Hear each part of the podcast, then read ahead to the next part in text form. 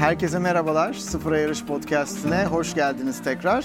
COP28'deyiz. Dubai'de Türkiye pavilyonunun içerisindeyiz. Konuğum Seçil Yıldız. Seçil hoş geldin. Hoş bulduk. Biraz çok hızlıca böyle kendinden bahsedebilir misin? Neler yaptın? Yani ben tabii seni 14 senedir tanıyorum. Ama herkes tanımıyor olabilir. Tabii memnuniyetle. Seçil Yıldız ben. Türkiye Kalkınma Yatırım Bankası Genel Müdür Yardımcısıyım.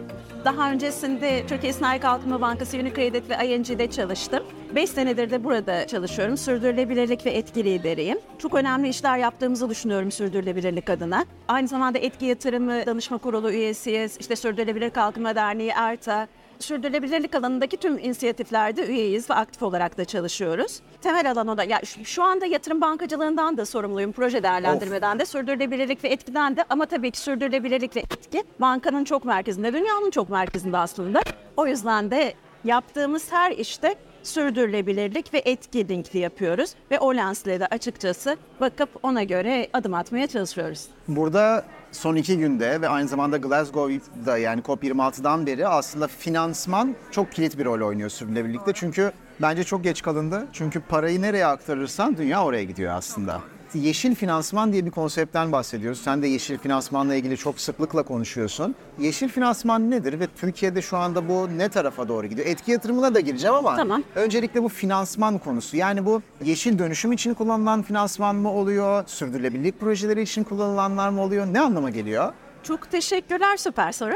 Şöyle söyleyeyim aslında harika. Bak golü atarım böyle. Atamazsam söyle. Tamam. Toparlayalım tekrar.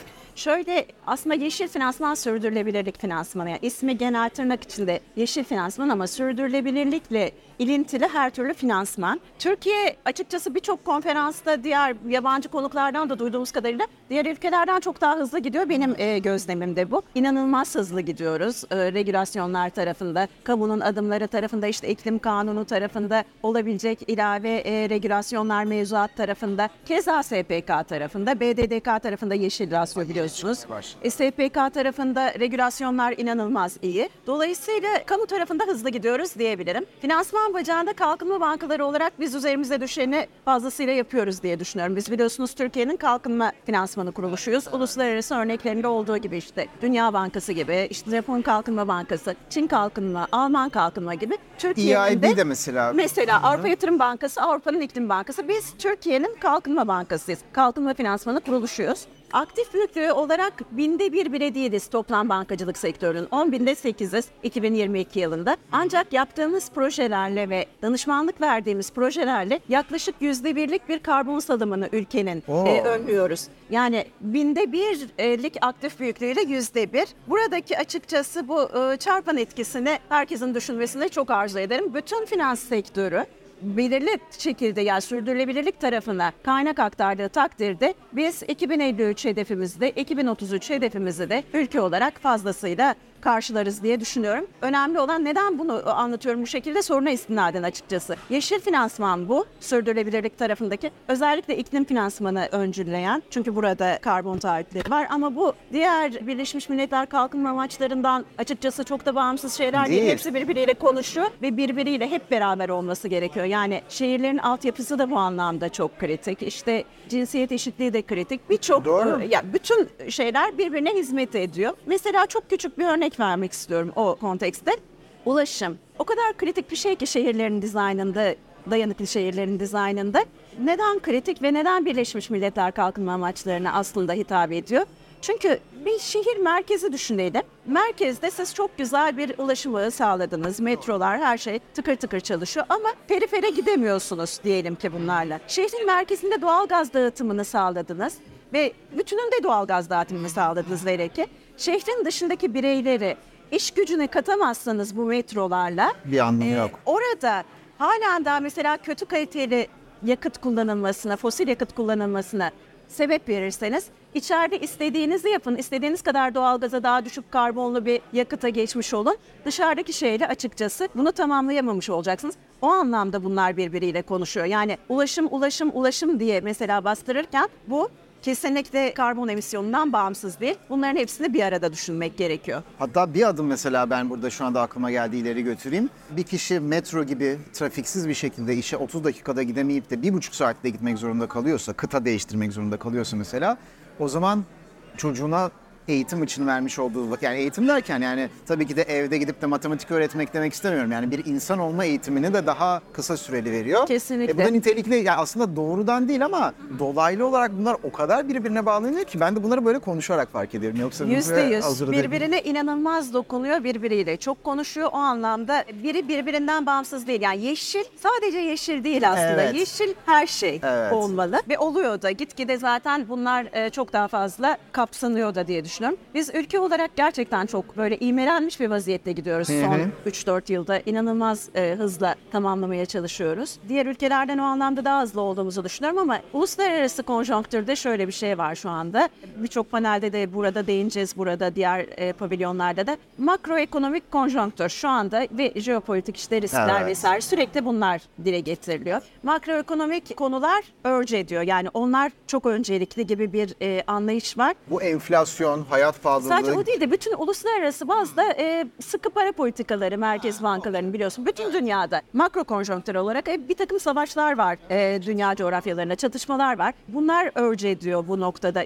Bunlar da tabii makro sonuçlar doğuruyor. Sıkı para politikaları vesaire bunlar da örce ediyor. Yani şeye katılmıyorum ben onu söyleyeyim. Sadece makro öncelikle önce makroyu çözeceğiz sonra ESG konuları. Bu doğru değil. Neden biliyor musun? Yani sürekli şey gibi bir şey oluyor. Bir depremi düşünelim. Hani deprem 10 senelik bir periyotta olası deprem, büyük bir deprem konuşuluyor mesela. Ufak ufak depremlerle bu depremin basıncı alınıp daha küçük bir depremle e, günün sonunda son bulunabilir. Doğru. Ama sürekli bu deprem olmazsa olmazsa olmazsa en sona böyle sıkışacak 10 senelik şeyde ve bir patlama olacak. E, ESG konuları da böyle. Sürdürülebilirlik konuları da böyle. Zaman içerisinde atılması gereken adımlar atıldığı takdirde açıkçası o büyük patlamayla karşılaşmayıp hepimiz sıfır taahhütlerimizi daha çok yerine getireceğiz diye düşünüyorum. Örce ettiğini düşünüyorum. Makro kadar örce ettiğini düşünüyorum. Ülke olarak çok iyi adımlar attığımızı düşünüyorum. Yani diğer bütün ülkelerin çok önünde olduğumuzu düşünüyorum. İnanılmaz yani kamu tarafında böyle bir e, inisiyatif ve böyle bir yönetim var. Çevre ve İklim Değişikliği Bakanlığı tarafında, Enerji Bakanlığı tarafında, ulusal enerji planlarımızda, Hazine ve Maliye Bakanlığı tarafında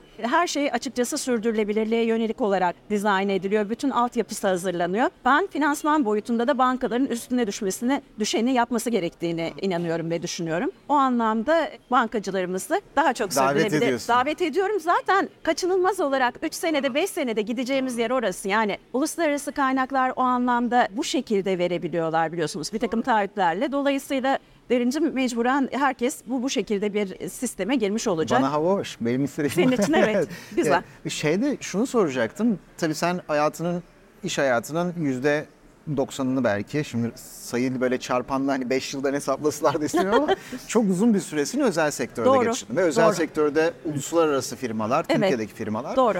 Ve bunlar gerçekten birçoğu böyle kapitalizmin kalesi diyebileceğimiz bir şeydi.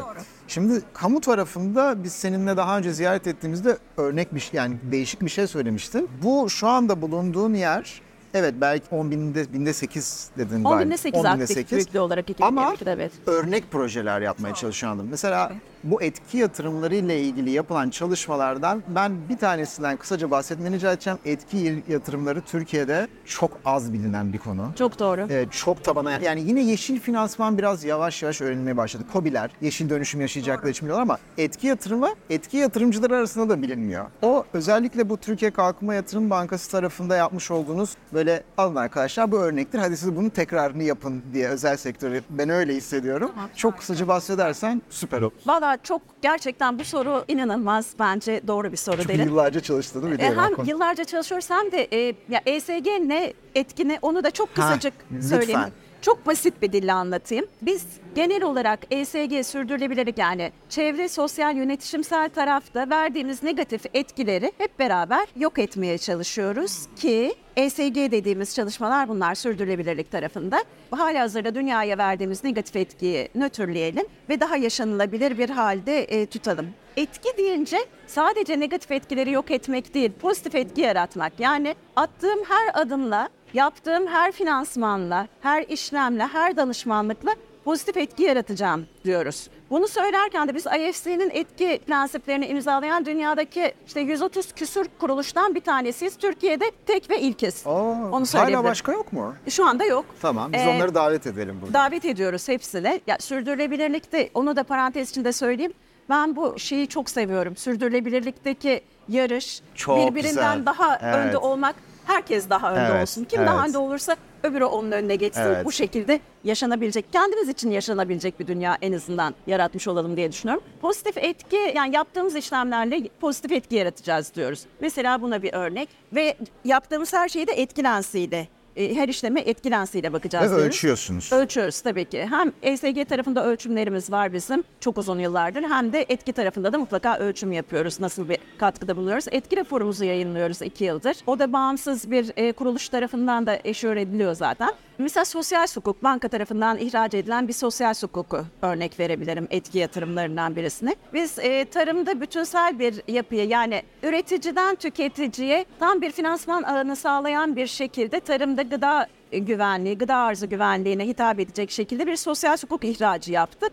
Boyut itibariyle küçük ama etki itibariyle oldukça önemli e, bir bir işlemdi. Türkiye'nin ilk sosyal hukukuydu. Birçok dünyada çok fazla kuruluştan, uluslararası finans kuruluşundan da ödül aldık bu sosyal hukukla. Bunun benzeri gelebilir. Yani kadın için yapılabilir bu, göçmenler için yapılabilir, farklı dezavantajlı gruplar için yapılabilir ve oldukça da anlamlı olur diye düşünüyorum. E, Daha da fazla yaygınlaşıyor. Yani şunu çok mutlulukla söyleyebilirim ki biri bir şey yaptığında diğeri de bunu örnek alıp yapıyor. Ülkemizde böyle güzel bir şey var. Var. O çok açıkçası motive edici. Çok enerji veriyor hepimize. Hep beraber daha çok bunları yapacağımıza ben inanıyorum. Yani Türkiye'yi gerçekten model ülke yapabiliriz o anlamda. Çok uzun yıllar özel sektördeydim. Evet doğru ama mesela ING de o anlamda sürdürülebilirlikte e, çok anlamlı adımlar Evet. atan bir banka olarak çok önem verirdi. Her e, şeyde bunu yaparlardı zaten. Ekvator prensiplerini imzalayan bankalar. Burası yani Kalkınma Yatırım Bankası doğal olarak yani tamamen açıkçası mandate'imiz bu. Varoluş sebebimiz bu. Dolayısıyla sürdürülebilirlik adına yapılacak her adımı desteklemek boynumuzun borcu ve bunları initiate etmek ve oralarda öncü rolde olmak da boynumuzun borcu. E, bölgesel anlamda da ülke anlamında da bunu yapmayı çok arzu ediyoruz. Son bir sorum olacak izninle. Ee, şimdi burası uluslararası bir konferans ve burada uluslararası diplomasinin iklim alanındaki böyle en arş noktasını yaşıyoruz. Ama bunu özel sektöre indirirsek, mesela uluslararası bölgesel e, kalkınma bankaları olabilir, bölgesel yatırım bankaları olabilir, Avrupa bazında olabilir, Körfez olabilir ve uluslararası olabilir. Siz birbiriniz arasında böyle bir konuşma, dayanışma, paslaşma, bilgi paylaşımı, ya siz işte böyle bir hukuk yapmışsınız bize de anlatsanız böyle şeyler oluyor mu? Ben onu biraz merak ediyorum. Belki olmaya da bilir ama Derin sorular müthiş. Bilmiyorum avukatlık. Biz bu arada hiç konuşmadık. Herkes Evet gerçekten Oturduk çok ve- doğaçlama ama müthiş. Ben işte önümüzdeki üç gün paneller var. Her birisinde bahsedeceğim konular aslında. Bunun cevabına geçmeden çok kısa şeyi söyleyeyim. Yarın etki yatırımı danışma kuruluyla burada bir panelimiz olacak Türkiye pavilyonunda. Herkesi davet ederiz ona bu arada. E, orada da etki yatırımlarını tartışacağız. İnanç bazlı yatırımları. Ya ülkemizde mesela ben şeyi anlatacağım. Depremin finansmanında inanç bazlı sosyal etki yatırımlarının ne şekilde kullanılabileceğini. önemli. Çok memnun oluruz gelirlerse izleyicilerimiz ve dinlerlerse de tabii ki. Diğer soruna geldiğimizde konuşmak ve kooperasyon yapmak şart açıkçası. Artık bütün paydaşların tüm dünyada ya hiçbirisi birbirinden bağımsız değil. Tüm dünyanın kalkınma finansmanı kuruluşları finansman bacağında çok aktif bir rol üstleniyor. O noktada birbirimize tabii ki destek oluyoruz, görüş alışverişinde bulunuyoruz. Finansman geri girişimli ve geçişimli oluyor. Bunların yapılması şart ve yapıyoruz da. Daha da fazlasını yapacağız. Bu tarz zirveler bu anlamda gerçekten çok Yararlı yararlı bu etkileşim açısından. Çünkü bu networking yapılıyor burada. Sonrasında bu bağlantılar devam ediyor. Çok gerçekten inanılmaz dünyanın farklı coğrafyalarındaki insanlarla, kuruluşlarla bir araya geliyoruz. Ve ben hep beraber yani birinin artısı diğerinin eksisine e, destek oluyor. Bu kooperasyonun çok kritik olduğunu düşünüyorum. Ancak koopere ederek tüm paydaşlar bir şeyler yapabileceğimize inanıyorum. Yani çok küçük şeyi örnek vereyim.